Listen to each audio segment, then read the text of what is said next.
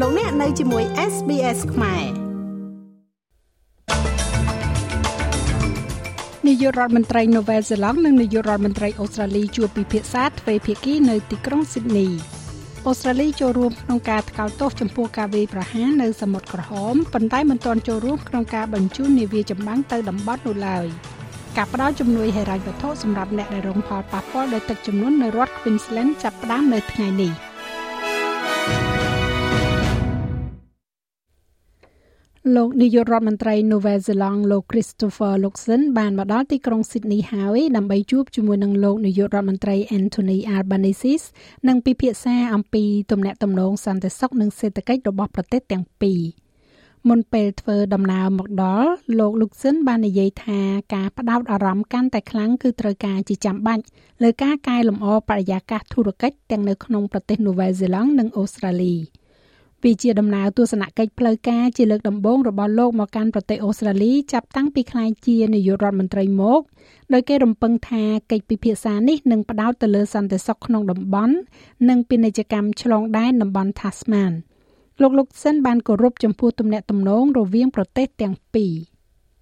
Uh, I am very pleased that the Trans-Tasman bond remains as strong as ever. ខ្ញុំរីករាយណាស់ដែលចំណង Trans-Tasman នៅតែរឹងមាំដូចពីមុនហើយវាត្រូវបានបង្កើតឡើងតាមរយៈស្មារតី ANZAC នៅលើឆ្នេរនៃ Gallipoli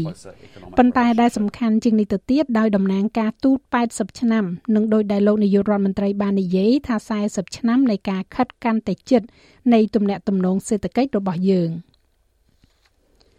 ប្រទេសអូស្ត្រាលីបានចូលរួមជាមួយនឹងប្រទេសចំនួន44នៅក្នុងការថ្កោលទោសការវាយប្រហាររបស់ពួកសកម្មប្រយុទ្ធហៅទីនាពេលថ្មីៗនេះមកលើនាវាពាណិជ្ជកម្មដែលធ្វើដំណើរឆ្លងកាត់សមុទ្រក្រហមការថ្កោលទោសនេះធ្វើឡើងបន្ទាប់ពីសហរដ្ឋអាមេរិកបានចាប់ផ្ដើមប្រតិបត្តិការក្រុមការងាររបស់ប្រទេសចំនួន10ដើម្បីការពារពាណិជ្ជកម្មនៅក្នុងការធ្វើដំណើរឆ្លងកាត់ច្រកនេះ។ ជំនួយការរដ្ឋមន្ត្រីក្រសួងការពារជាតិលោក Matthew Tovet បានបង្ហើបថាអូស្ត្រាលីនៅតែកំពុងពិចារណានៅឡើយថាតើត្រូវចូលរួមជាមួយក្រុមការងារនេះឬក៏អត់ដែលតម្រូវឲ្យអូស្ត្រាលីបញ្ជូននាវាចម្បាំងចូលទៅក្នុងតំបន់នេះអនុប្រធានគណៈបកប្រឆាំងលោកស្រី Susan Lee បានរិះគន់ដល់ការសម្រេចចិត្តដ៏យឺតយ៉ាវនេះ Why is it taking so long to give our allies the response that they deserve? មែនហើយ ខ្ញុំមានសំណួរពីរនៅទីនេះហេតុអ្វីបានជាវាត្រូវការពេលយូរដើម្បីផ្ដល់ឲ្យសម្ព័ន្ធមិត្តរបស់យើងនៅការឆ្លើយតបដែលពួកគេសមនឹងទទួលបាន វាគឺដោយសារតែយើងខ្វះឆន្ទៈឬក៏វាដោយសារតែយើងខ្វះសមត្ថភាពតើមួយណានេះគឺជាភាពទន់ខ្សោយនិងមិនច្បាស់លាស់ពីនាយករដ្ឋមន្ត្រីរបស់យើងយើងធ្លាប់បង្ហាញខ្លួនយើងធ្លាប់នៅទីនោះជាមួយសម្ព័ន្ធមិត្តរបស់យើង នៅពេលដែលពួកគេត្រូវការយើង។ យើងធ្លាប់គ្រប់គ្រងកិច្ចខិតខំប្រឹងប្រែងអន្តរជាតិដូចជាករណីទាំងនេះសម្ព័ន្ធមិត្តរបស់យើងសមនឹងទទួលបានពីយើងនៅភាពស្មោះត្រង់ដោយផ្ទាល់នឹងការឆ្លើយតបភ្លាមភ្លាមលោកនាយករដ្ឋមន្ត្រី Anthony Albanese ឆ្លើយតបថាអូស្ត្រាលីមិនទាន់យល់ព្រមនៅក្នុងការបញ្ជូននាវាចម្បាំងទៅកាន់សមុទ្រក្រហមនៅឡើយគឺព្រោះទ្រព្យសម្បត្តិការពារជាតិត្រូវតែផ្ដោតទៅលើតំបន់ Indo-Pacific របស់ខ្លួន។ ប្រជាជនដែលរងផលប៉ះពាល់ដោយអតីតព្យុះស៊ីក្លូនត្រូពិច Jasper នៅភាគខាងជើងនៅរដ្ឋ Queensland នឹងអាចដាក់ពាក្យស្នើសុំជំនួយពីរដ្ឋាភិបាលចាប់ពីរសៀលម៉ោង2ថ្ងៃនេះ គឺនៅថ្ងៃទី20ខែធ្នូនេះប្រាក់ជំនួយគ្រោះមហន្តរាយ Disaster Recovery Payment គឺជាប្រាក់ជំនួយតែម្ដង ដែលមានតម្លៃ1000ដុល្លារសម្រាប់មនុស្សពេញវ័យដែលមានសិទ្ធិម្នាក់និង400ដុល្លារសម្រាប់កុមារដែលមានសិទ្ធិម្នាក់ ដែលទទួលរងការខាតបង់យ៉ាងខ្លាំងដោយសារទឹកជំនន់តំបន់ក្រុងប្រឹក្សាមូលដ្ឋានដែលមានសិទ្ធិទទួលបាននៅប្រាក់ជំនួយនេះរួមមាន Cairns, Cassovery Coast, Mariba, Tablelands និង Wujal Wujal រដ្ឋមន្ត្រីគ្រប់គ្រងគ្រាអាសន្នលោក Murray Watt បានប្រាប់ ABC ថាជំនួយប្រាក់ចំណូលក៏នឹងមានផងដែរ What we know is that there are a lot of areas that are cut off at the moment as well. អ្វីដែលយើងដឹងគឺថាមានផ្នែកជាច្រើនដែលត្រូវបានកាត់ផ្តាច់ផងដែរនៅពេលនេះហើយនឹងមានប្រាក់ឧបត្ថម្ភទៅលើប្រាក់ចំណូលសម្រាប់អ្នកដែលមិនអាចទៅធ្វើការងារបានឬក៏មិនអាចចូលទៅកាន់អាជីវកម្មរបស់ពួកគេបានរហូតដល់ទៅ13សប្តាហ៍នៅកម្រិតប្រាក់ជំនួយសម្រាប់អ្នកស្វែងរកការងារធ្វើ Job Seeker Payment ដូច្នេះវាបន្ថែមពីលើជំនួយដែលយើងបានផ្ដល់ឲ្យពីមុនវានឹងមានចាប់ពីម៉ោង2រសៀលថ្ងៃនេះទៅ។គេរំពឹងថាលោកនាយករដ្ឋមន្ត្រី Anthony Albanese នឹងធ្វើដំណើរទៅកាន់តំបន់នេះនៅល្ងាចថ្ងៃប្រហ័សនិងថ្ងៃសុក្រប្រធានាធិបតីអ៊ីស្រាអែលលោក Isaac Herzog បាននិយាយថាអ៊ីស្រាអែលបានត្រៀមខ្លួនរួចជាស្រេចសម្រាប់ការផ្អាកសង្គ្រាមដើម្បីមនុស្សធម៌មួយផ្សេងទៀត ដើម្បីធានាបាននូវការដោះលែងចំណាប់ខ្មាំងដែលត្រូវបានឃុំខ្លួននៅតំបន់ហ្គាហ្សាសម្ព័ន្ធមិត្តជិតស្និទ្ធបំផុតរបស់អ៊ីស្រាអែលមួយចំនួនរួមទាំងបារាំងចក្រភពអង់គ្លេសនិងអាល្លឺម៉ង់បានចូលរួមការអំពាវនាវជាសកលសម្រាប់បទឈប់បាញ់មួយប៉ុន្តែសហរដ្ឋអាមេរិកនិយាយថាការពិភាក្សាមិនស្ថិតនៅចំណុចមួយដែលឈានជិតដល់កិច្ចព្រមព្រៀងមួយផ្សេងទៀតនោះទេ លោក Hazok និយាយថាឥឡូវនេះវាគឺអាស្រ័យទៅលើក្រុមហាម៉ាស់នៅក្នុងការផ្អាកសង្គ្រាមដើម្បីមនុស្សធម៌នេះ Israel is ready អ៊ីស្រាអែលបានត្រៀមខ្លួនរួចជាស្រេចហើយសម្រាប់ការផ្អាកសង្គ្រាមដើម្បីមនុស្សធម៌មួយផ្សេងទៀតនិងដើម្បីជំនួយមនុស្សធម៌បន្ថែមទៀតដើម្បីអាចឲ្យមានការដោះលែងចំណាប់ខ្មាំងទាំងនោះហើយទំនួលខុសត្រូវគឺស្ថិតនៅលើលោក យ៉ាហាស៊ីនវ៉ានិងការដឹកនាំរបស់ក្រុមហាម៉ាស់ទាំងស្រុង។នៅសហរដ្ឋអាមេរិកវិញតុលាការកំពូលនៅក្នុងរដ្ឋ Colorado បានដកសិទ្ធិអតីតប្រធានាធិបតីលោក Donald Trump ពីក្នុងបានបោះឆ្នោតក្នុងការបោះឆ្នោតជ្រើសរើសប្រធានាធិបតីរបស់រដ្ឋនេះដោយសារទូនាទីរបស់លោកក្នុងការវាយប្រហារកាលពីថ្ងៃទី6ខែមករាឆ្នាំ2021ដោយក្រុមអ្នកគាំទ្ររបស់លោកបានធ្វើការវាយប្រហារនៅអគាររដ្ឋសភាអាមេរិក។ សេចក្តីសម្រេចនេះធ្វើឲ្យលោកត្រាំក្លាយជាបេក្ខជនប្រធានាធិបតីដំបូងគេក្នុងប្រវត្តិសាស្ត្រសហរដ្ឋអាមេរិកដែលត្រូវបានចាត់ទុកថាមិនមានសិទ្ធិសម្រាប់សេតវិមានក្រោមបទបញ្ជាដ៏កម្រនៃរដ្ឋធម្មនុញ្ញរបស់ប្រទេសនេះដែលរារាំងមន្ត្រីដែលបានចូលរួមនៅក្នុងការបះបោរឬក៏អូទាមពីការកាន់តំណែងសេចក្តីសម្រេចនេះអនុវត្តតែចំពោះការបោះឆ្នោតបឋមរបស់គណៈបក្សសាធារណរដ្ឋនៅថ្ងៃទី5ខែមីនាប៉ុណ្ណោះ ប៉ុន្តែការសន្និដ្ឋានរបស់វាក៏ទំនងជាប៉ះពាល់ដល់ឋានៈរបស់លោកត្រាំសម្រាប់ការបោះឆ្នោតជាតិនៅថ្ងៃទី5ខែវិច្ឆិកាផងដែរលោកដូណាល់ត្រាំនិយាយថាវាជារឿងចាំបាច់ដែលគ្រប់គ្នាត្រូវចេញទៅបោះឆ្នោត។ Don't sit home and say, you know, I think we'll take it easy darling. It's a wonderful day. កុំអង្គុយនៅក្នុងផ្ទះហើយនិយាយថាខ្ញុំគិតថាយើងធ្វើវាតាមសម្រួលទៅសម្លាញ់វាជាថ្ងៃដ៏អស្ចារ្យដ៏ស្រស់បំព្រងតោះនាំគ្នាមើលទូរទស្សន៍ឲ្យស្រួលហើយមើលលទ្ធផលឥឡូវនេះព្រោះរឿងដឹកស្មានមិនដល់អាចកើតមានឡើងអ្នកត្រូវតែចេញទៅក្រៅនេះពិតជាមានសារៈសំខាន់ណាស់ក្នុងប្រទេសរបស់យើងដែលមានបញ្ហាយើងមានប្រទេសដែលមិនធ្លាប់មានបញ្ហាដូចពេលនេះទេដូច្នេះចូលទៅចេញទៅបោះឆ្នោត ហើយថាតើយើងនាំមុខនៅក្នុងការបោះឆ្នោតឬមិននាំមុខក្នុងការបោះឆ្នោតហើយក្នុងករណីនេះយើងកំពុងតែនាំមុខពី30ទៅ40ពិន្ទុបើតាមខ្ញុំស្មានប៉ុន្តែយើងត្រូវតែឈ្នះហើយប្រហែលជាយើងអាចឈ្នះបានច្រើនជាងនេះផងក៏មិនដឹង។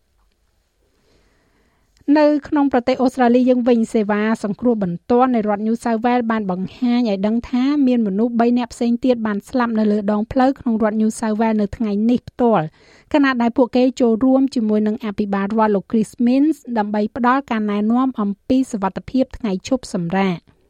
ស្ថិតិចំនួនមនុស្សស្លាប់នៅលើដងផ្លូវថ្នាក់ជាតិបានរកឃើញថាចំនួនមនុស្សស្លាប់នៅលើដងផ្លូវទូទាំងប្រទេសគឺខ្ពស់បំផុតក្នុងរយៈពេល5ឆ្នាំមកនេះហើយអាជ្ញាធរកំពុងជំរុញឲ្យមានការប្រុងប្រយ័ត្នបន្ថែមទៀតនៅលើដងផ្លូវក្នុងអំឡុងពេលថ្ងៃឈប់សម្រាកដ៏មមាញឹកនេះ រដ្ឋមន្ត្រីក្រសួងប៉ូលីសរដ្ឋ New South Wales លោកស្រី Yasmin Khatley បានចូលរួមជាមួយនឹងអាជ្ញាធរសេវាសង្គ្រោះបន្ទាន់នៅព្រឹកនេះដើម្បីចេញនៅសេចក្តីជូនដំណឹងអំពីសវត្ថិភាពចរាចរណ៍នៅមុនបុណ្យគ្រីស្មាស់និងចូលឆ្នាំថ្មី Wear a seatbelt. I can't believe I'm still saying wear a seatbelt, but please ចូលពាក់ខ្សែក្រវ៉ាត់សុវត្ថិភាពខ្ញុំមិនជឿសោះថាខ្ញុំនៅតែនិយាយថាចូលពាក់ខ្សែក្រវ៉ាត់សុវត្ថិភាពប៉ុន្តែសូមពាក់ខ្សែក្រវ៉ាត់ បន្ថយល្បឿនសូមប្រកាសថាអ្នកមិនពិសាគ្រឿងស្រវឹងហើយបើកបរទេកុំបើកបរក្រោមឥទ្ធិពលនៃគ្រឿងញៀនហើយត្រូវប្រកាសថាអ្នកក្រឡេកមើលជុំវិញខ្លួនគោរពអ្នកបើកបរផ្សេងទៀតនិងបើកបរតាមសម្រួល របួសស្នាមដែលអាចបណ្ដាលមកពីគ្រោះថ្នាក់ចរាចរណ៍មិនមែនត្រឹមតែសម្រាប់អ្នកដែលចូលរួមក្នុងគ្រោះថ្នាក់នោះទេប៉ុន្តែសហគមន៍ដ៏ទូលំទូលាយគឺវាធំធេងណាស់ហើយយើងគ្រាន់តែចង់និយាយទៅកាន់មនុស្សម្នាសូមព្យាយាមនិងមានសវត្ថភាពនៅលើដងផ្លូវ។ នៅប្រទេសកម្ពុជាវិញមានបដកម្មប្រឆាំងដំណើរទស្សនកិច្ចរបស់លោកនាយករដ្ឋមន្ត្រីហ៊ុនម៉ាណែតក្នុងអំឡុងពេលអញ្ជើញទៅចូលរួមកិច្ចប្រជុំកំពូលអាស៊ានជប៉ុន នៅទីក្រុងតូក្យូកាលពីថ្ងៃទី15ដល់ថ្ងៃទី19ខែធ្នូឆ្នាំ2023លោកស៊ូណារ៉ូរដ្ឋមន្ត្រី ប្រតិភូអមនាយករដ្ឋមន្ត្រី បានអះអាងប្រាប់អ្នកកសែតថា ចំនួនអ្នកតវ៉ាប្រឆាំងមានតែប្រមាណ100អ្នកទេហើយអ្នកមកគាំទ្រលោកហ៊ុនម៉ាណែតគឺមានច្រើនជាងរហូតដល់ទៅប្រមាណជា2000អ្នកលោកសូណារ៉ូសម្ដេចធិបតីដែលពួកគេទៀមទីឲ្យជប៉ុនកុំឲ្យគ្រប់គ្រងនោះលោកបានចុកពីចណ្ដាលយន្តហោះដោយកំរាព្រំក្រហមណាឯដល់បានមកឃើញហើយលោកបានទៅអញ្ជើញចូលរួមក្នុងកិច្ចប្រជុំអាស៊ាន ដោយស្មារភាពនិងស្មារសិទ្ធិជាមួយនឹងបណ្ដាប្រមុខរដ្ឋប្រមុខរដ្ឋាភិបាលទាំងអស់ចាស់ឲ្យលោកមេងផល្លានឹងជួនសេចក្តីរាយការណ៍លម្អិតនៅវគ្គក្រោយជាបន្តទៀតឬក៏លោកអ្នកអាចចូលស្ដាប់របាយការណ៍ពេញលើគេហទំព័រ sps.com.au/ ខ្មែរ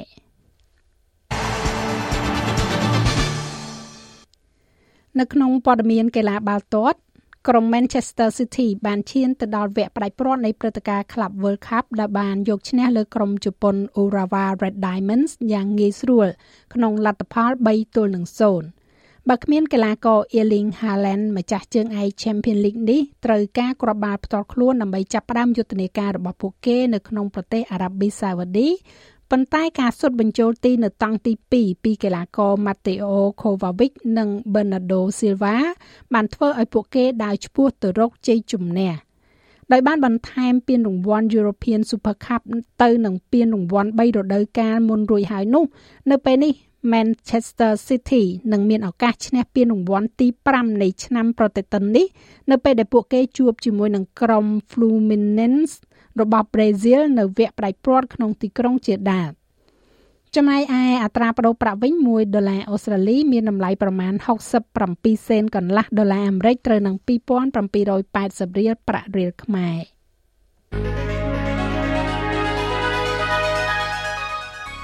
ឥឡូវយើងក៏លេខមើលការព្យាករណ៍អាកាសធាតុសម្រាប់ថ្ងៃប្រហ័សស្អែកនេះវិញ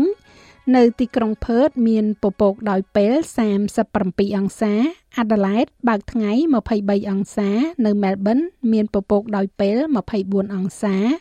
Hobart មានពពក18អង្សា ដូចគ្នានៅ Canberra 22អង្សា នៅ Sydney មានរលឹមហើយមានខ្យល់23អង្សា មានរលឹមដែរនៅ Brisbane 29អង្សា ទីក្រុង Cairns មានពពកដោយពេល31អង្សា នៅដាវិនរលឹមអាចនឹងមានព្យុះ35អង្សា និងនៅទីក្រុងភ្នំពេញមានពពកភាគច្រើន31អង្សា